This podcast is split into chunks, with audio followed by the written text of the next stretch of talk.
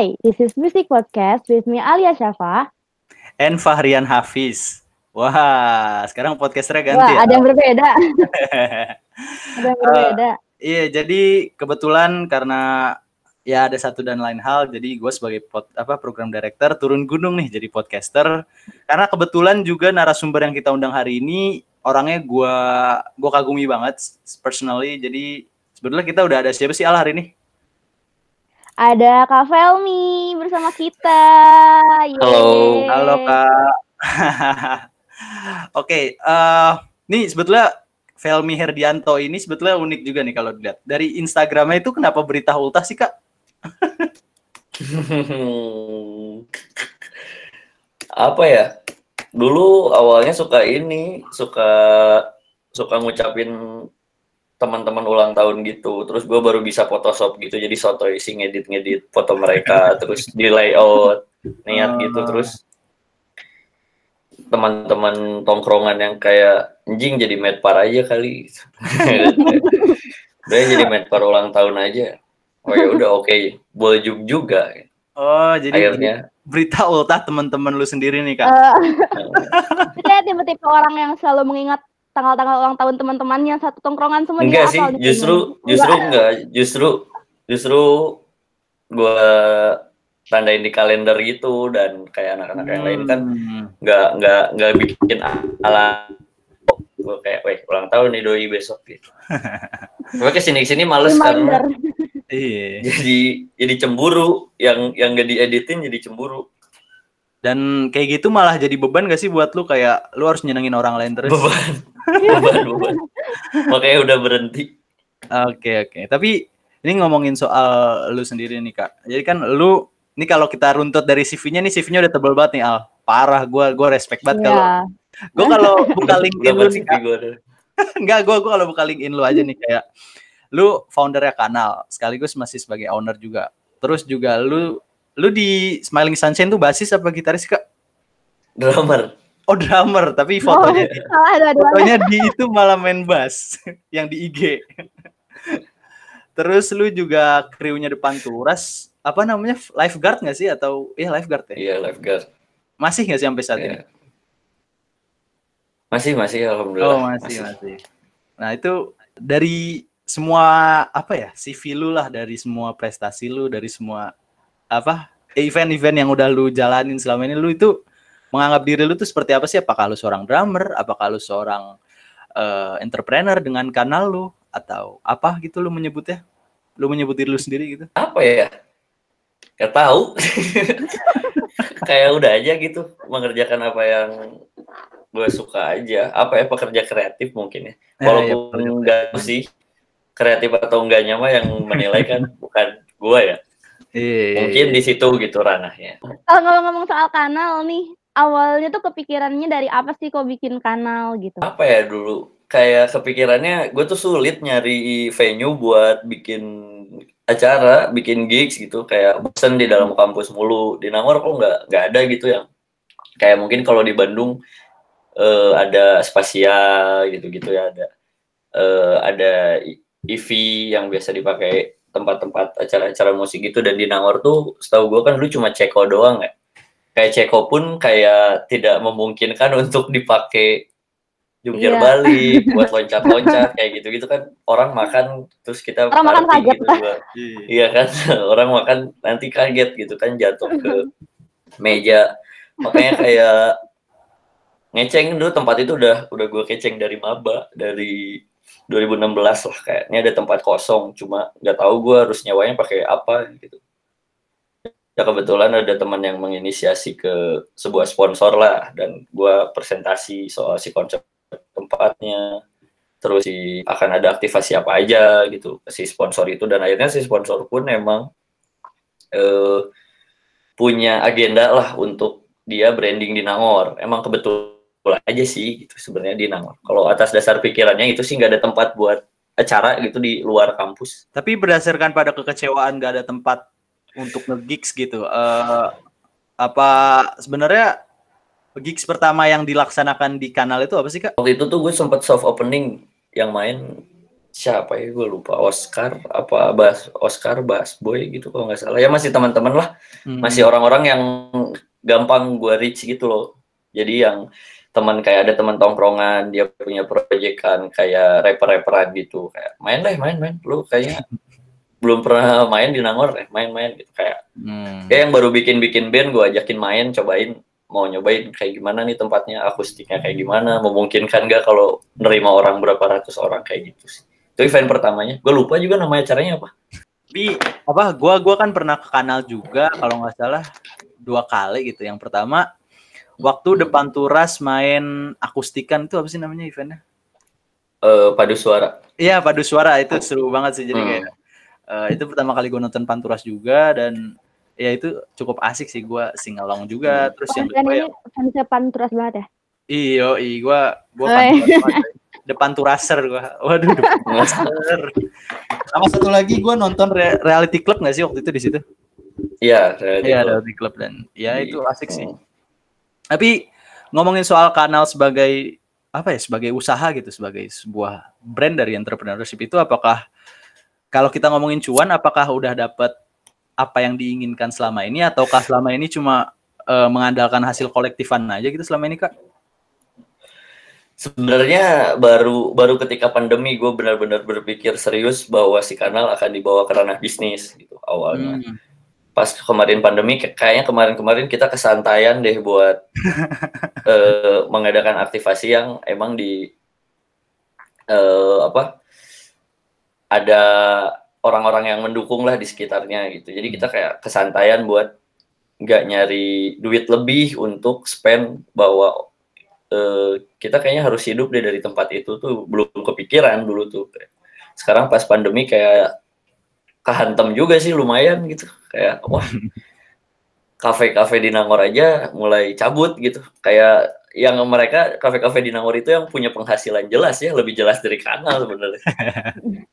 Cabut gitu. Kayak cuma sekarang karena teman-teman di sekitarnya juga support terus gitu dan tahu gitu misinya si kanal apa ya alhamdulillah ada aja. Dan kalau untuk ke bawa ke ranah sana baru kepikiran sih. Sekarang selama masa pandemi itu aktif juga nggak sih? Masih aktif kok masih ada kemarin ada syuting juga dan akhirnya kita pakai tempatnya untuk syuting untuk taping eh, apa streaming lah acara-acara streaming terus Hmm. acara-acara seminar yang streaming atau apa fo- foto-foto kita di- jadi dipakai kayak gitu sih tempatnya tapi kopi masih jalan kopi terus makan tempat makannya masih jalan Bakinco.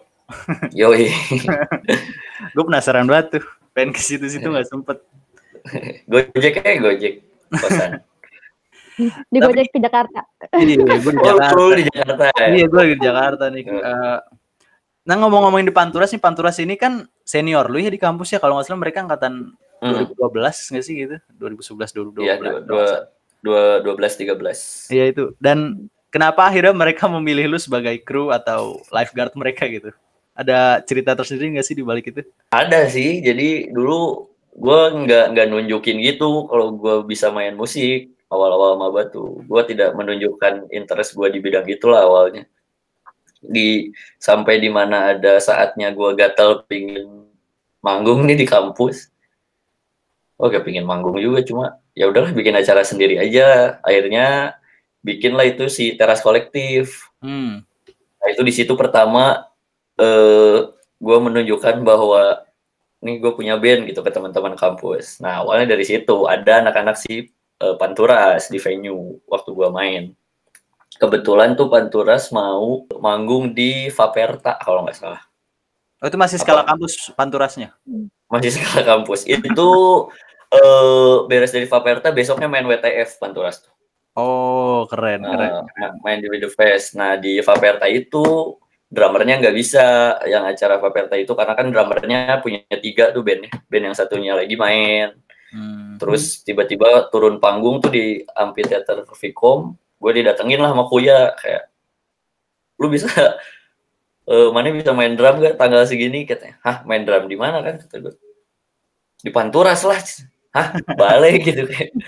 Oh ya udah, ayo ayo bisa bisa gitu. Akhirnya latihan awalnya dari situ. Setelah beres manggung, terus Kuya merasa perlu bantuan lah. Bisa nggak kalau jadi teknisi katanya.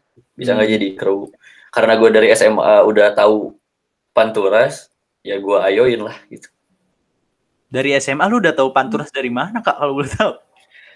dari anak-anak tongkrongan aja jadi kayak kebetulan tongkrongan gue di kota asal gue itu emang ngulik lah cukup ngulik ke band-band yang emang aneh gitu yang Oh. jarang gitu kayak jadi udah nyampe kayak eh orang lihat di SoundCloud nih Vel bagus ya katanya gitu. Waktu itu kelas 3 SMA lah. Mau lulus baru mau UN dekat-dekat mau UN Baru di Kata- SoundCloud. Nah, itu Mabuk Laut udah rilis belum kak?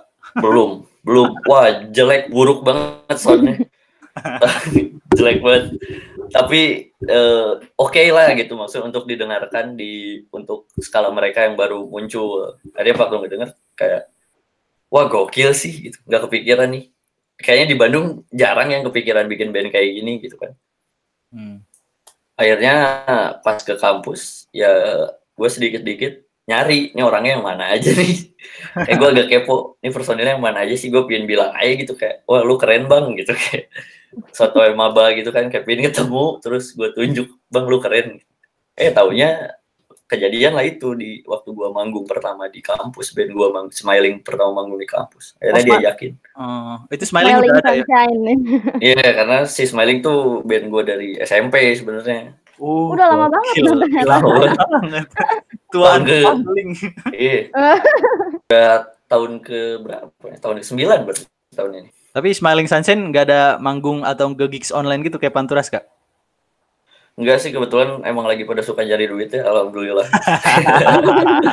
Jadi belum ada arah buat briefingan, tapi udah ada materi albumnya udah ada gitu kayak tinggal Oh. dilatihanin karena sekarang lagi pada goncang juga kuliahnya lagi pada nggak bener kan ya online katanya pada kandas kayaknya ah udah nggak diganggu dulu lah kalau smiling Tapi- Penasaran juga sih sama nama Smiling Sunshine. Kenapa sih namanya Smiling Sunshine gitu? Apakah terinspirasi dari di Teletubbies kan ada tuh matahari yang tersenyum? bener gitu? bener Oh, banget bener. Gila Bener tebakan Eh gila dong. Gue udah, Iya, udah bener. bisa menebak itu dong. Karena kayak Bener. kepikiran kan langsung Teletubbies ada matahari tersenyum gitu. Hmm, bener emang itu filosofinya kayak emang gue sesuka itu dulu sama Teletubbies Oh, Anjir.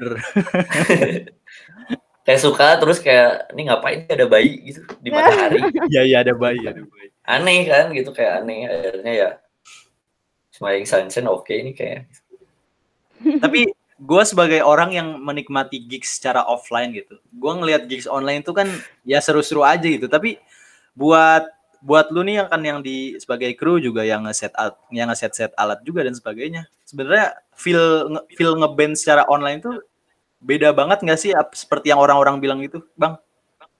Katanya beda sih ya kalau gue nanya bos-bos gue katanya sih beda aja karena kan gue tidak merasakan ya Iya. gue ada sebelum kamera on gitu kan Hmm. beda sih karena kayak gue juga ngelihat pertama Panturas manggung online tuh buset males-malesan banget main kayak lagi di studio eh, kayak belum biasa lah tapi akhirnya ke sini ke sini bisa menyesuaikan Iya. mungkin penonton juga mempengaruhi banget gak sih kayak audiens Sangat. makin, makin rame kan jadi makin sangat naik juga semangatnya. Sangat sangat banget gitu. Jadi kayak ada sepi banget gitu ya kayaknya kalau online. Hmm. gak kerasa ada yang menonton. Eh, karena di studio pun sepi kan kayak yang musiknya rame bre bre bre bre. Terus nggak ada yang tepuk tangan ya udah cut. Kayak nggak seru gini apaan sih? Nggak ada yang crowd surfing juga. mikir gitu. Tuh ke sini ke sini kayak ngapain gue mikirin ya kayak ya udah yang penting gue digaji aja sekarang mau rame yang penting ada duitnya ya. Ya emang itu sih yang dibutuhkan manusia. kayak "Ih, ngapain juga ya gue peduliin asik aja itu yang penting Iya. ada lah gitu Smiling Sunshine sama Panturas pernah manggung bentrok nggak bang? pernah sering Anjir. Terus gimana tuh lu jadi engineer terus lu jadi drummernya juga? sering gue sering banget sering malah berapa kali panggung smiling main satu panggung apa dan smiling sebelum panturas mainnya. Jadi kayak gue manggung udah pakai alatnya panturas aja biar gak usah ngelepasin lagi gak usah bongkar pasang.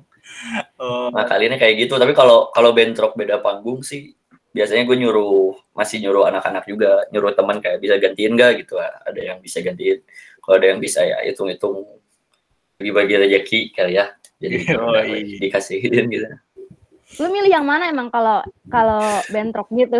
Panturas lah. gue milih mana yang ngelok jadwal gue duluan. Oh, kayak misalkan, mm-mm. Kita Kalau misalkan si Smiling coba. Harian. wah brengsek banget sih kalau gue milih terus. gue sering mengorbankan itu gitu, sering mbak, sering lah. Tur aja salah satunya waktu pernah kan gue nggak ikut tur itu salah satunya bentrok jadwalnya. Jadi kayak ya udah gue nggak ikut. Kayak harus tetap diutamakan lah band pertama. Kalau kita lihat-lihat nih di YouTube-nya di Panturas itu kan udah ke mana aja ke daerah Sumatera, daerah Jawa udah Hmm. ditaklukin semua itu. Kalau Smiling paling jauh ke mana bang? Jakarta sih belum pernah sejauh itu kayaknya. Hmm. Kita masih di Jakarta aja. Band males juga. males berkarya, males promosi. Wah, males lah. Udah aja se -se seadanya band. Soalnya gua gua kan ngelihat kayak El Carmoya tuh udah nembus Sondre juga. Wah anjir. Iya. Niat sih kalau mereka gua akuin Iya niat sih. niat niat banget. Band band-band di Unpad tuh niat sih, gila gitu kayak salut gua mau semangatnya. Yang enggak yang enggak teman-teman gua punya itu ya gitu semangat. semangatnya sih yang lebih Iya, tepatnya semangatnya kencang. Semangatnya juga. Mereka rela mengorbankan segala hal gitu untuk berangkat ke sana. Sebenarnya profesi jadi musisi kampus tuh menguntungkan gak sih kak? Dalam artian bahwa misalnya gue gua maba, gue pengen ngerintis ngerintis eh, jalan hidup gue Hmm. sebagai musisi nih. Terus gue tampil di semua acara-acara kolektif, tapi ya kan kita sering dengar juga ya in the end mereka Hmm. nggak jadi apa-apa kecuali mereka ada sesuatu yang nendang banget kayak Panturas dengan Iya. yeah. pautnya atau Fish dengan multiverse dan lain sebagainya. Balik lagi ke keinginan sih kayak gua gua kan sempat megang organisasi musik juga di Vkom. Hmm. Kayak KMF. banyak eh, banyak juga kayak anak-anak yang gue lihat semangatnya pingin lah kayak senior seniornya gitu. Cuma ya kayak balik lagi aja ke kayak gue sekarang kan sebenarnya niatnya nothing tulus ya dari awal juga. Mungkin Panturas juga nothing tulus sebenarnya kayak manggung-manggung gitu kolektif ya dibayar syukur bonus gitu awalnya. Kan nggak ada yang tahu juga bakal jadi kayak sekarang gitu mereka juga. Nothing tulus aja eh, cuma memenuhi hasrat gabut di Nangor gitu kan. Ya udah mau manggung aja gitu nggak ada berlebih. Nah konsisten sih konsisten dan satu visi misi ya yang gua rasain dari beberapa teman-teman gue yang mungkin lebih maju lah ya eh, lebih berkembang gitu dari segi karyanya eh, semangat untuk launching dan lain-lain bingung sih gue eh, ya bisa konsisten sustain sih lebih susah daripada daripada membangun itu sendiri ya kayaknya. Hmm. Konsistennya. konsistennya karena kayak yang gue lihat dari senior senior di kampus saat berkarya kayak mereka emang sekonsisten itu kayak ketika proses berkaryanya pun eh, bercanda tapi gue lihat ada value-nya gitu kayak wah edan gini gitu. Kayak kepikirannya mereka buat gini karena satu sama lain saling menutupi gitu. Kayak Panturas ada yang bikin eh, musiknya ada yang bikin liriknya ada yang bikin gimmicknya. Ada kayak saling menutupi lah gitu. Maksudnya sadar kalau oh ini kayaknya kurang nih gue tambahin gue kurang gue tambahin kayak gitu yang bikin mereka tetap sustain sama yang masuk mungkin ya bercandanya yang bikin mereka tetap bisa bareng gitu. Ya kuncinya konsisten sih kalau emang niat bidang itu. Karena gue gue juga denger gitu kayak band-band gede itu mereka nggak nggak bubar tapi personilnya kelas satu sama lain kayak Oasis Hmm. aja atau banyak kan banyak banget sih jadi Exit. ya sama lah kayak lu bikin podcast. Sama kayak kita kita rekaman gitu. Hmm, mikirin kontennya gimmicknya gitu kan. Capek. Sebenarnya kalau proses produksi satu buah single itu proses kreatifnya berapa lama sih sampai jadi satu lagu utuh yang ada di Spotify? tergantung niat ya balik lagi. Kayak ketika lu niat buat gak kuliah satu bulan satu bulan udah masuk Spotify. Oke. Mengorbankan kuliah gak apa-apa. Yang Nggak penting dapat cuy. duit. Iya gitu. Karena bisa yang bikin lama tuh kadang BM kan. Kayak di sininya kayak dirubah deh. Kayak gue pingin masukin suara kodok apa gitu kan. Kayak ada BM BM yang kadang wah susah nih gitu. Kayaknya akan panjang prosesnya gitu.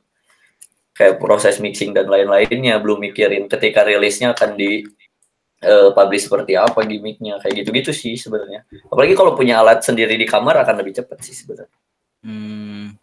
Nah, itu dia yang yang bikin mahal produksinya itu apakah studionya mulai dari mixing mastering atau ketika promosinya sih? studio juga sih studio studio juga untuk studio proper lumayan ya gede juga gitu modalnya Hmm. dan untuk promosi selama kita nggak nge-ads dan punya jaringan yang luas sih kayaknya nggak nggak sebegitu besar tapi besar sih kalau emang udah serius ya kalau emang udah serius mungkin akan ngabisin budget yang besar karena buat video klip lah buat apalah gitu kan konten promosinya tour lah gitu besar sih Ini gue pengen Hmm. nanya juga KMF tuh sebenarnya apa sih? Gue kan sebagai mahasiswa FIB nih. Nah di FIB kan nggak Hmm. ada nggak ada KMF FIB gitu. Jadi apa, apa sih yang lu lakuin di KMF itu kalau boleh tahu? Apa ya KMF teh kayak ya pencet pencetak aja sih. Itu kayak untuk kalian yang gabut di kampus ya ikutan KMF aja gitu. Kayak sesimpel itu. Kayak lu mau belajar apa kayak ya terutama ada mahasiswa yang ada interest ke musik ya. Biasanya kayak komunitas musik Vkom wah kayaknya gue di sini aja nih kayaknya santai gitu. Santai beneran santai. Tapi waktu gua yang megang tidak santai sama sekali. Waduh. Kenapa itu kalau boleh tahu? apa ya kayak nggak tahu gue nggak pernah seserius itu dan gue kan sebelumnya belum pernah megang organisasi Hmm. kayak jadi gue pingin nih yang anggota yang ada di sini tuh bener-bener ada value-nya gitu lu diem gak cuma ngeceng cewek-cewek di dalamnya nggak cuma Oh, ada yang kayak gitu Eh, juga. ya namanya UKM ya di himpunan juga ada apa ada aja gitu mau ketawa ketiwinya doang atau mau ya berkegiatan yang kurang perlu lah gitu di samping visi misi si organisasinya gitu. Karena kenapa gua mau pun bagus gitu. Kayak banyak cetakan dari si KMF yang emang KMF-nya memang tidak menghasilkan sebuah apa ya output yang langsung kelihatan gitu sama orang-orang. Kayak contoh KMF nggak pernah bikin acara yang mungkin sebesar eh, fakultas-fakultas lain ya yang sampai ngundang band-band skala nasional gitu. tidak terlihat lah gitu. Tapi after dari keluar KMF dia bekerja di lingkungan yang eh, profesional gitu. Dan bisa diajak kerja sama gitu. Sepengetahuan gue tuh senior seniornya kayak gitu. Makanya kayak wah ini sayang banget kalau adik-adik nggak diurus gitu. Ketika mereka keluar dari sini ditanya ketemu seniornya di event lah ya event atau musik gitu. Ketika ditanya anak KMF dan dia nggak tahu apa-apa kan sayang gitu kayak lu ngapain aja? gitu.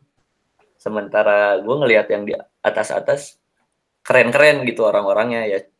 Di Pantura gitu kan dalamnya ada ada penulis-penulis media nasional juga yang keluar dari KMF tuh ada yang nulis di media-media musik lainnya. Kayak bagus lah gitu. Nah dan yang dilakuin di KMF tuh itu ngajarin adik-adiknya gimana eh musik bisa menghidupi kalian gitu mungkin ya anjing enggak sih enggak tahu juga sebenarnya tuh kegiatannya tuh ngapain aja sih gitu? Nah, iya apakah ada kelas-kelas khusus gitu atau Ada, ada. saja? ada ada ada kelas-kelas khusus karena ospeknya pun dibikin kelas gitu kayak Hmm. mereka harus kayak kan KMF tuh ada tiga divisi ada media media musik ada pe- divisi pemain musik sama satu lagi yang bikin acara musik. Nah, dibagi tiga. Nah itu yang gak gue lihat di, orga- di organisasi musik lain di kampus-kampus lain. Si KMF gue oke gitu. Dan berpotensi untuk jadi sesuatu gitu. Kayak enak banget. Lu yang kayak interestnya misal eh Fahrian interestnya di media gitu kayak lu waktu ospek udah diarahin lu harus liputan ke gigs lu harus bu- motret outputnya lu harus bikin tulisan berita tentang musik atau wawancara musisi atau apa pun itu kayak misalkan Alia nih mau bikin ah gue interestnya dulu waktu SMA bikin pensi gitu gue Wih. pensi banget anaknya gitu kan kayak lu ikut buat CEO-nya gitu. Nanti di IO-nya ada kelas lagi. Gimana sih lu cara nge-manage event yang lebih serius dari pensi gitu. Terus kayak yang pemain musik itu di direct kayak produksi. Kayak lu main musik udah tahu belum cara rekaman kayak gitu. lu tahu nggak eh, jack ini namanya jack apa, mic ini namanya mic apa, drum ini nih namanya apa ya kayak di bener-bener diajarin gitu. Jadi sebenarnya tuh nggak cuma buat orang-orang yang bisa musik aja, tapi apa pun ya yang Apa pun dia interestnya musik. interestnya ke musik Hmm. gitu. Sekalipun pendengar, sebelum se- sekalipun dia hanya suka mendengarkan, dia akan bisa menyerap makna lagu dan lain-lain yang bisa jadi tulisan gitu. Kayak dia mengutarakan kalau album ini keren banget loh gitu kan. Contoh kayak ya mungkin album siapa yang paling lagi meledak banget gitu kan Hindia gitu kan. Hmm. Wah gue ini banget sama Hindia gitu. Jadi si eh, anggota ini dibikin apa yang lu suka ada outputnya gitu. Keren itu banget. sih KMF ke- kegiatannya kayak gitu. Uh. Siapa Simpel ada diterima KMF. Tapi nih Karena ngomong-ngomong, emang gue bikin kayak panjang sih hmm, lu apa kan lu juga udah sering proses pegang- penerimaannya. megang apa megang event lah, terus juga lu ngurusin acara dan sebagainya. Lu juga punya bakat di event organizer itu dari kapan kak? SMP kali ya. Gokil. Panitia pensi apa pasti. tuh ngurusin apa tuh ngurusin apa tuh SMP? Iya. Iya gue dulu pingin anak SMP sotoy pingin punya pensi. Hmm. Karena kan Weh. nah di saat anak-anak SMP lain doyan banget ngegame dan doyan banget berantem, doyan motor-motoran gitu. Kayak ini circle gue doyannya main musik gitu. Aneh gitu kayak kenapa dulu kita nggak nggak berantem ya gitu. ya bikin lah bikin pensi musik terus yang nggak boleh sama gurunya kayak ah ngerti apa lu gitu kan masih Hmm. kecil jangan gak usah bikin yang gitu gituan gitu kayak akhirnya jadi tapi acaranya jadi Kirain kirain gurunya ngomong nggak boleh musik haram gitu. haram Oh, Kan tapi kalau itu melibatkan sekolah juga. melibatkan sekolah akhirnya boleh kayak itu wah ya cukup chaos lah.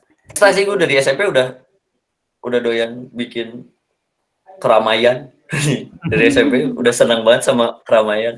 Eh, orang-orang happy joget tawa-tawa wih, seru gitu kayak senang aja liatnya. Ini dari SMP sih. Lu lebih milih menjadi seorang event organizer atau menjadi seorang drummer atau menjadi seorang founder dari kanal atau gimana sih kalau misalnya skala first thing first lu itu apa? Paling enjoy deh di mana nih yang saat saat melakukan apa gitu yang paling merasa gue banget nih gitu. paling enjoy jadi drummer jadi drummer Oh, iya. jadi drummer dan dibayar kayaknya enjoy banget sih Oke. jadi pinginnya gitu sih gitu kayaknya seru gitu berkegiatan pagi hari langsung main drum Hmm. ya itulah hayalan gue ke depannya pinginnya kayak gitu cuma nggak tahu ya kalau emang takdirnya jadi PNS ya udah PNS aja Udah bukan budak korporat lagi tuh. budak negara. Sudah bersama negara Iya. Tapi gini loh, gua gua kan pernah juga jadi ngisi job weddingan gitu nih kak. Kayak gua dari dua minggu sebelumnya gua udah latihan lah mainin lagu top 40 dan lain sebagainya. Kayak gitu kan udah boring banget gitu lu ngejalani hidup sebagai drummer dengan setlist yang gitu-gitu aja itu gimana kak? bosan sih bosan bosan cuma ya karena tiap karena tiap panggung beda juga vibes-nya jadi itu kali yang bikin gak bosan mungkin kalau di wedding kan vibes ya gitu aja. Orang jalan-jalan paling Orang lewat, ngambil orang makanan, lewat ngambil nah, gitu, salam-salaman. mungkin kalau kalau live tuh ya ketemu orang yang berbeda kayak wih boyan lagu ini ya gitu. Eh pasti gitu. Padahal dalam hati aduh gue bosan banget gitu. Tapi karena beda beda orang mereka ingin menyaksikan kita bawain lagu itu ya gimana lagi ya? Sebelum di tahap seperti Nirvana dan Rolling Stone mah kayaknya nggak akan bosen. Panggung terpecah Smiling Sunshine di mana tuh kak? mana ya? Sampai lupa loh gue udah hampir setahun tuh band kagak manggung terpecah kayaknya di di Vicom sih itu tuh. Hmm. yang kayak oh ternyata orang tahu lagunya gitu. Kayak senang dan vibes-nya juga yang teman-teman kayak yang abis beres turun panggung yang seru. Eh, mantep mantep yang gitu. Jadi kayak wah ini pecah sih. Ini sih paling pecah makanya sampai ada sih sebenarnya di YouTube itu sahur juga acara. yang nonton nggak begitu banyak sebanyak di pensi sebenarnya. Banyak kan kadang di pensi itu yang nonton banyak. Cuma kan pada diem kan jadi males. Nih terakhir nih kak, eh lu ke depannya mau tetap menjadi drummer atau lu mau ya itu mau jadi PNS atau lu mau tetap menjadi seorang entrepreneur dengan kanal atau lu mau jadi pekerja kreatif apa aja lah terserah seumur hidup lu. Ke depannya coba kayak gimana? belum kebayang sih belum kebayang ya. belum kebayang saat ini gue pingin masih pingin mengerjakan semuanya tapi ke sini sini udah mulai kerasa capek sih Oh iya. udah mulai kayak oh ternyata ada ada capeknya ya gitu kayak nggak bisa gue pegang semuanya gitu. kayaknya harus oke harus gone lah salah satu gitu ya bukan gone sih ya maksudnya meninggalkan dan mempercayakan ke orang lain gitu Hmm. kayaknya Sa. karena nggak bisa ya capek juga gitu ternyata Baru kerasa ya, padahal yang dilakukan emang banyak sebanyak itu yang dipegang padahal Iya. emang. ya baru kerasa sih setelah habis tahun kemarin sih tahun kemarin cukup chaos juga makanya pas habis tahun ini wah kayaknya istirahat nih gitu tapi tidak juga ternyata Tapi kan pandemi istirahat juga sih jatuhnya. Apakah lu merasa diri lu adalah seorang people pleaser gitu yang menyenangkan semua orang gitu yang pada akhirnya ya tadi itu lu jadi capek sendiri. Energi lu terkuras habis buat bikin orang seneng lah mulai dari diucapin ulang tahun dan lain sebagainya. Tapi lu jago juga ya, lu bisa mikir gitu, gue nggak kepikiran buat ngomong tercuat kata-kata tadi itu. Enggak sih, enggak, enggak ngerasa ini juga biasa aja gitu kayak ya udah gue juga senang sampai detik ini. Banyak temen sih intinya jadi senang gitu kayak Iya, tiap iya. ketemu orang baru ini jadi woi halo halo gitu kayak jadi seru. Jadi gak ngerasa capek asli. Kalau udah ketemu temen tuh nggak ngerasa capek sih apalagi bercanda ya Iya. Pasti udah luas banget ini relasinya Kak Felmi. Di mana-mana. Iyalah di mana-mana cuy. Aduh. amin ya alamin amin Kak, thank you banget udah mau mampir ke Bisik Podcast. Semoga Ya. Ya. sukses terus. terima kasih juga amin ya alamin segala-gala yang dilakukannya. Amin. Semoga smiling dan Amin, amin. manggung secara offline. amin amin amin semoga segera membaik lah dan kembali Amin, ke keadaan amin. normal ya Yo, Ya, thank you, Pak. Thank you Kak Felmi. iya sama-sama thank you juga kalian sehat-sehat